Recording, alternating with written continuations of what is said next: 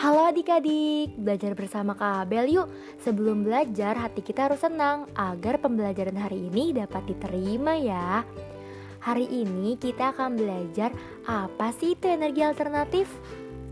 Energi alternatif mempunyai manfaat Yaitu apabila kita menggunakan energi alternatif Maka kita bisa mengurangi penggunaan bahan bakar hidrokarbon yang mudah untuk merusak lingkungan Hal ini disebabkan oleh kandungan karbon dioksida yang tinggi yang berpotensi terhadap pemanasan global.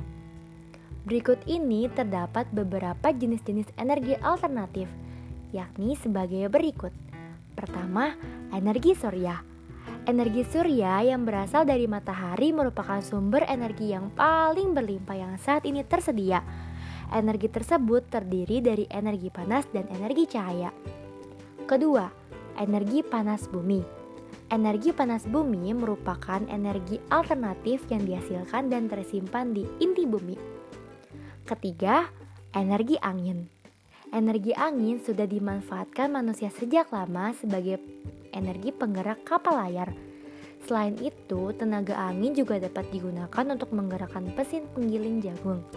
Saat ini, energi angin juga dapat dimanfaatkan sebagai sumber energi penghasil listrik dengan menggunakan kincir angin raksasa yang akan menggerakkan turbin penghasil listrik. Keempat, energi air. Air selalu mengalir dari tempat tinggi menuju ke tempat yang lebih rendah. Air yang mengalir sangat deras merupakan sumber energi gerak untuk menghasil energi listrik yang dihasilkan dari kekuatan air. Kelima, biogas. Biogas merupakan gas yang dihasilkan dari sisa atau hasil buangan makhluk hidup yaitu hewan. Biogas ini termasuk dalam kelompok bioenergi. Sekian pembelajaran hari ini, semoga bermanfaat dan dapat kalian aplikasikan dalam kehidupan sehari-hari ya. See you, bye.